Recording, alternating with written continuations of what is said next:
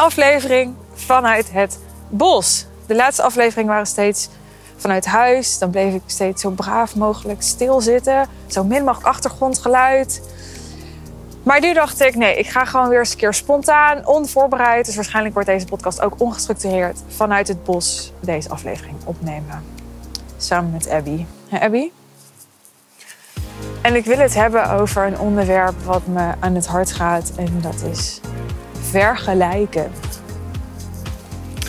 En ho, blijf even hangen, want je denkt nu misschien... Oh ja, ik weet al wat het gaat zeggen. Het gaat natuurlijk zeggen, ja, vergelijk jezelf niet met anderen, want daar word je alleen maar onzeker van. Ja. Maar ik weet wel dat jij dat ook wel weet. Dus ik ga proberen het meer uit te diepen, iets meer context te geven. Vooral ook vanuit mijn persoonlijke ervaring te vertellen. Want ik denk dat dat altijd heel helpend is. Ik vind dat in ieder geval altijd heel helpend als ik van anderen hoor hoe zij met dingen omgaan of hoe zij dingen beleven. Omdat ik dan echt kan verbinden en kan voelen: hey, we are all in the same boat. Kind of. En dat helpt veel meer dan gewoon een soort theoretisch praatje, toch? Nou, de eerste keer dat ik echt me wat meer ging verdiepen in het onderwerp vergelijken, was toen een klant van mij zei, en toen was zij nog een lead. Ja, ik zie jou zoveel uh, content maken. Ik zie jou zo zichtbaar zijn online. Daardoor heb ik de indruk dat jij heel hard werkt. En ja, ik wil niet heel hard werken. Ik wil gewoon vooral veel vrijheid. Dus dat was voor haar een reden om niet klant bij mij te worden. Wat ze dus uiteindelijk wel heeft gedaan. Maar dat, ik vond het A, heel eerlijk dat ze dat zei. Ik waardeerde enorm dat ze me dat eerlijk teruggaf. Is namelijk super waardevolle informatie. Dus ik heb daar ook echt wel ja, wat mee gedaan. Zonder dat ik gelijk mijn hele leven en mijn hele marketingstrategie zo op zijn kop gooide. Want ja, ik ben wie ik ben en ik doe hoe het bij mij past. Maar het is wel natuurlijk heel waardevol om te weten hoe jij gezien wordt door ideale potentiële klanten. En het is slim om daar iets mee te doen vervolgens, denk ik.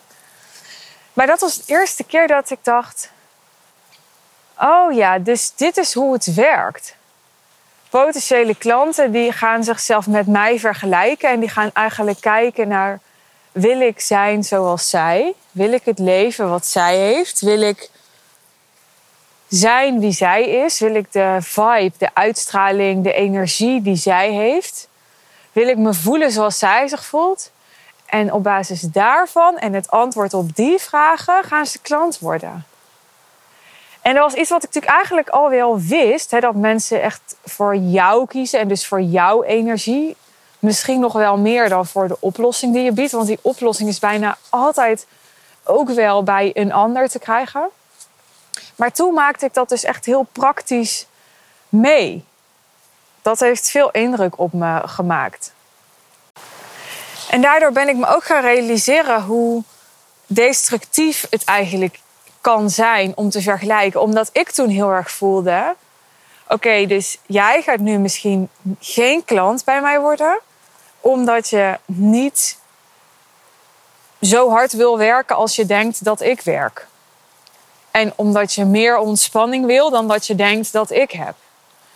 En toen voelde ik dus, oké, dus iemand die ik heel goed zou kunnen helpen, die gaat nu niet voor mij kiezen omdat ze zichzelf met mij vergelijkt. Wat heel gegrond is, hè? dit is niet een oordeel, no judgment. Dit was meer gewoon een soort overpeinzing die ik hierover had. En dat is eigenlijk eeuwig zonde, want of ik iemand heel goed kan helpen, staat helemaal los van hè, of iemand zo moet zijn en zo moet leven zoals ik. Ik heb echt veel klanten gehad die helemaal niet op mij leken, al was het maar omdat ze een man waren en 20 jaar ouder waren.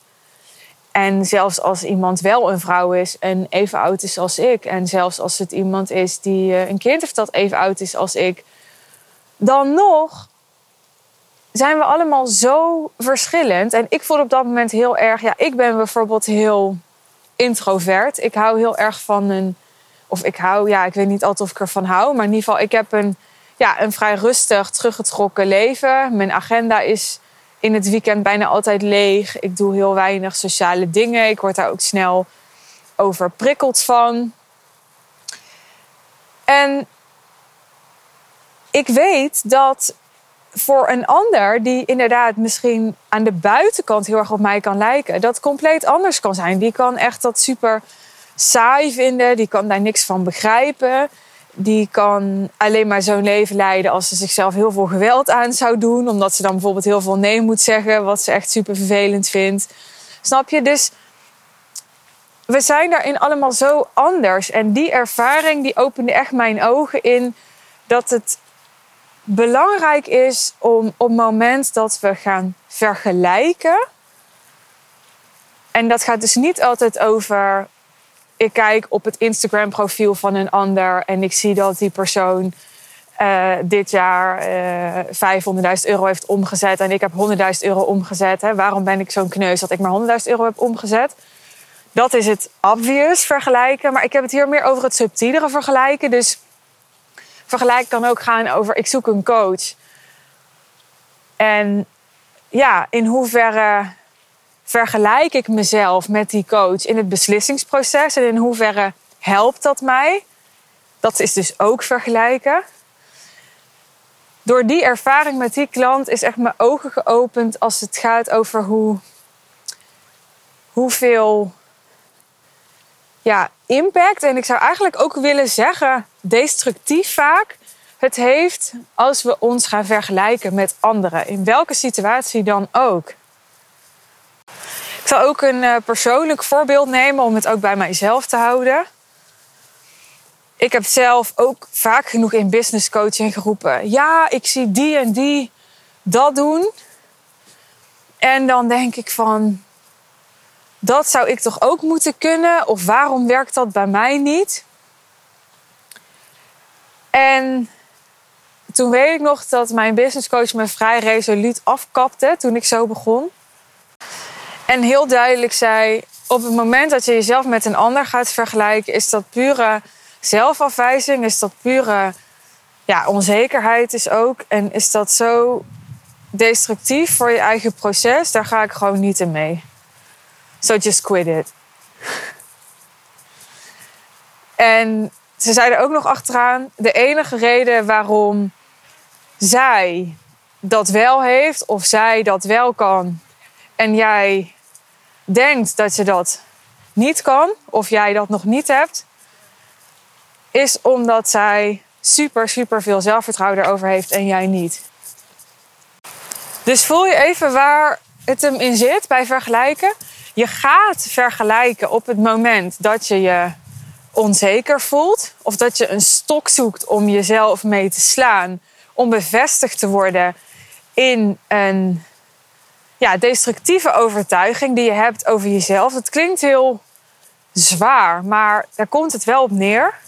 En op het moment dat je dan ook daadwerkelijk die vergelijking gaat maken, dan zal inhoudelijk eigenlijk altijd gelden dat dat wat jij graag wil en ziet bij die ander, dat jij dat ook kunt krijgen, dat jij dat ook kunt doen, dat jij dat ook kunt realiseren. En de enige reden waarom je dat nu niet doet, of nu niet kan, of dat nu niet gebeurt, is omdat je er te weinig zeker over bent. Dus het is een cirkel, voel je? Op het moment dat je gaat vergelijken, ga je jezelf eigenlijk voeden met een onzekerheid. Door de nadruk te leggen op ja, dat wat er nog niet is bij jou. Wat je wel hebt gezien bij een ander. En doordat je daar weer onzeker van wordt, wordt de kans dat je dat gaat realiseren of de kans dat dat wel lukt weer kleiner. Ander voorbeeldje. Vanochtend zat ik even op Clubhouse. Ik ben nu die eh, app aan het ontdekken. En toen was er om 11 uur was er een room, of hoe noem je zoiets, van een ondernemer die dus, uh, ja, hoe heet dat? Een soort gesprek aanging, masterclass ging geven. Ik ken die termen nog niet zo goed van Clubhouse. En ik merkte dat dat gelijk van alles bij mij opriep. Dat ik gelijk ging nadenken over. Hey, ze doet dat op zondagochtend om 11 uur. Wat betekent dat? Betekent dat dat ze heel hard werkt? Betekent dat dat ik niet hard genoeg werk? Betekent dat dat ik nu iets mis? Moet ik ook al meer tijd hebben geïnvesteerd in Clubhouse? Moet ik ook misschien bereid zijn om op zondagochtend te werken nu met die lockdown, minder opvang, waardoor ik door de week minder uren kan maken? Moet ik ook zus, moet ik ook zo? Dus ik ging gelijk die situatie vergelijken met mijn eigen situatie. En ik had het gelukkig door, waardoor ik dan ook gewoon kan zeggen: Oké, okay, ho, stop. Dit zijn gedachten. Ik parkeer nu die gedachten. En dat is iets wat ik heel erg oefen ook met Jan Geurt. Door gedachten gewoon te aanschouwen en ze niet zo te voeden. Dus dat lukt gelukkig ook steeds beter. Maar ik merkte het wel op van hé, hey, ik ga gelijk vergelijken. Ga er maar eens op letten hoe makkelijk jij vergelijkt. En nogmaals, dan heb ik het niet over de obvious vergelijkingen van... oh, ik zie een, plaatje van iemand die op een fantastische vakantie is... en er heel gelukkig uitziet met haar gezin... en ook nog eens heel succesvol is met haar bedrijf op Facebook. Waarom heb ik dat allemaal niet? Nee, ik heb het over het hele subtiele, venijnige vergelijken. Wat is bijvoorbeeld gewoon gaat over iets simpels als zo'n room op Clubhouse op zondagochtend. Maar gelijk gaat dat systeem aan. En ik denk dat het heel belangrijk is om daar alert op te worden, je daar bewust van te worden. En jezelf een soort halt toe te kunnen roepen op het moment dat je opmerkt dat je dit doet. Want hoe meer je dit doet en hoe meer je dit ongemerkt doet, hoe meer het een gewoonte wordt. En hoe meer je ook A, gaat oordelen, dat hangt er automatisch aan vast. Je gaat namelijk een oordeel hebben over die ander en je gaat een oordeel hebben over jezelf. Anders kun je niet een vergelijking maken. Dus daar hoort altijd een hoop oordeel bij. Nou, daar wordt sowieso niemand beter van, denk ik. En het tweede is, je gaat er een gewoonte van maken. Elke keer dat je jezelf vergelijkt met een ander of met een andere situatie. Om onzekerder te worden over jezelf. Dat is wat ik net uitlegde over die visieuze cirkel.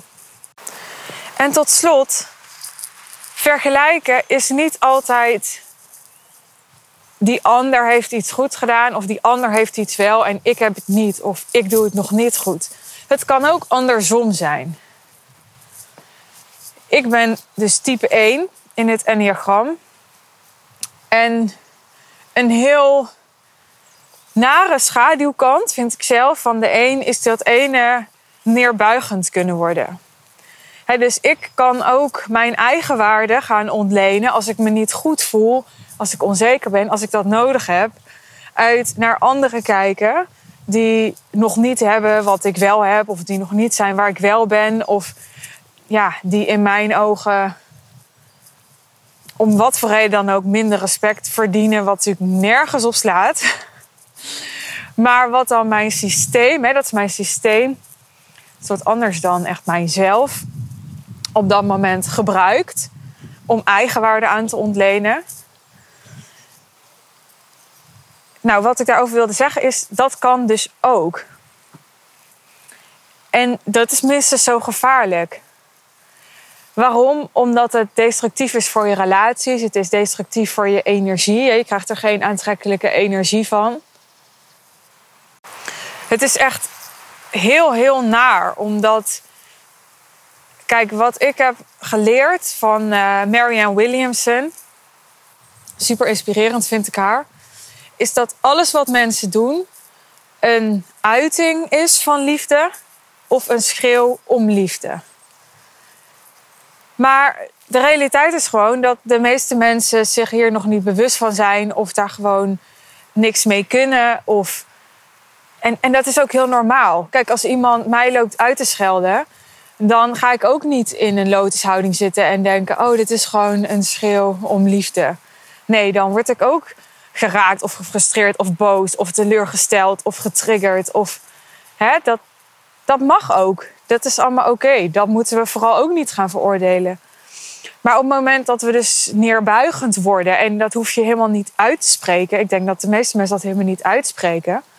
Maar dat het wel meegenomen wordt in de energie die ze uitzenden.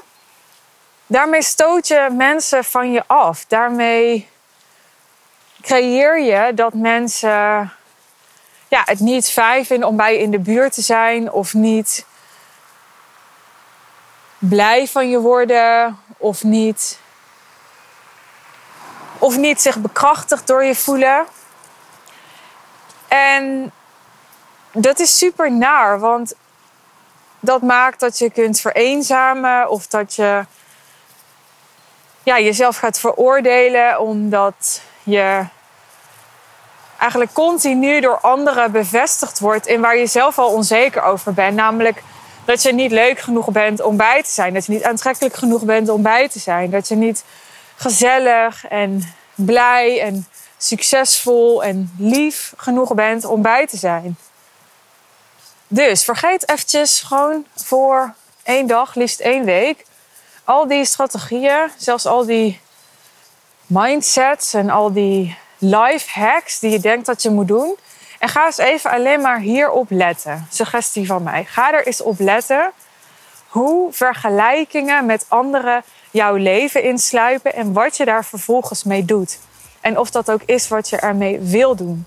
Of dat ook is hoe je er het beste mee om kunt gaan. Of dat je er bewust voor gaat kiezen om ermee te oefenen, om er anders mee om te gaan. En ik zeg bewust oefenen, want op het moment dat ik zeg ga er anders mee om vanaf nu, zodra je er bewust van bent dat je het doet, dan gaat het hem niet worden. Je hebt dit opgebouwd, zijn patronen, zijn gewoontes. En het vraagt tijd, het vraagt oefening om dat om te turnen. Dus gun jezelf dat. Heb geduld met jezelf. Oefen en kijk hoe het voor je werkt. Laat je het me weten. Succes!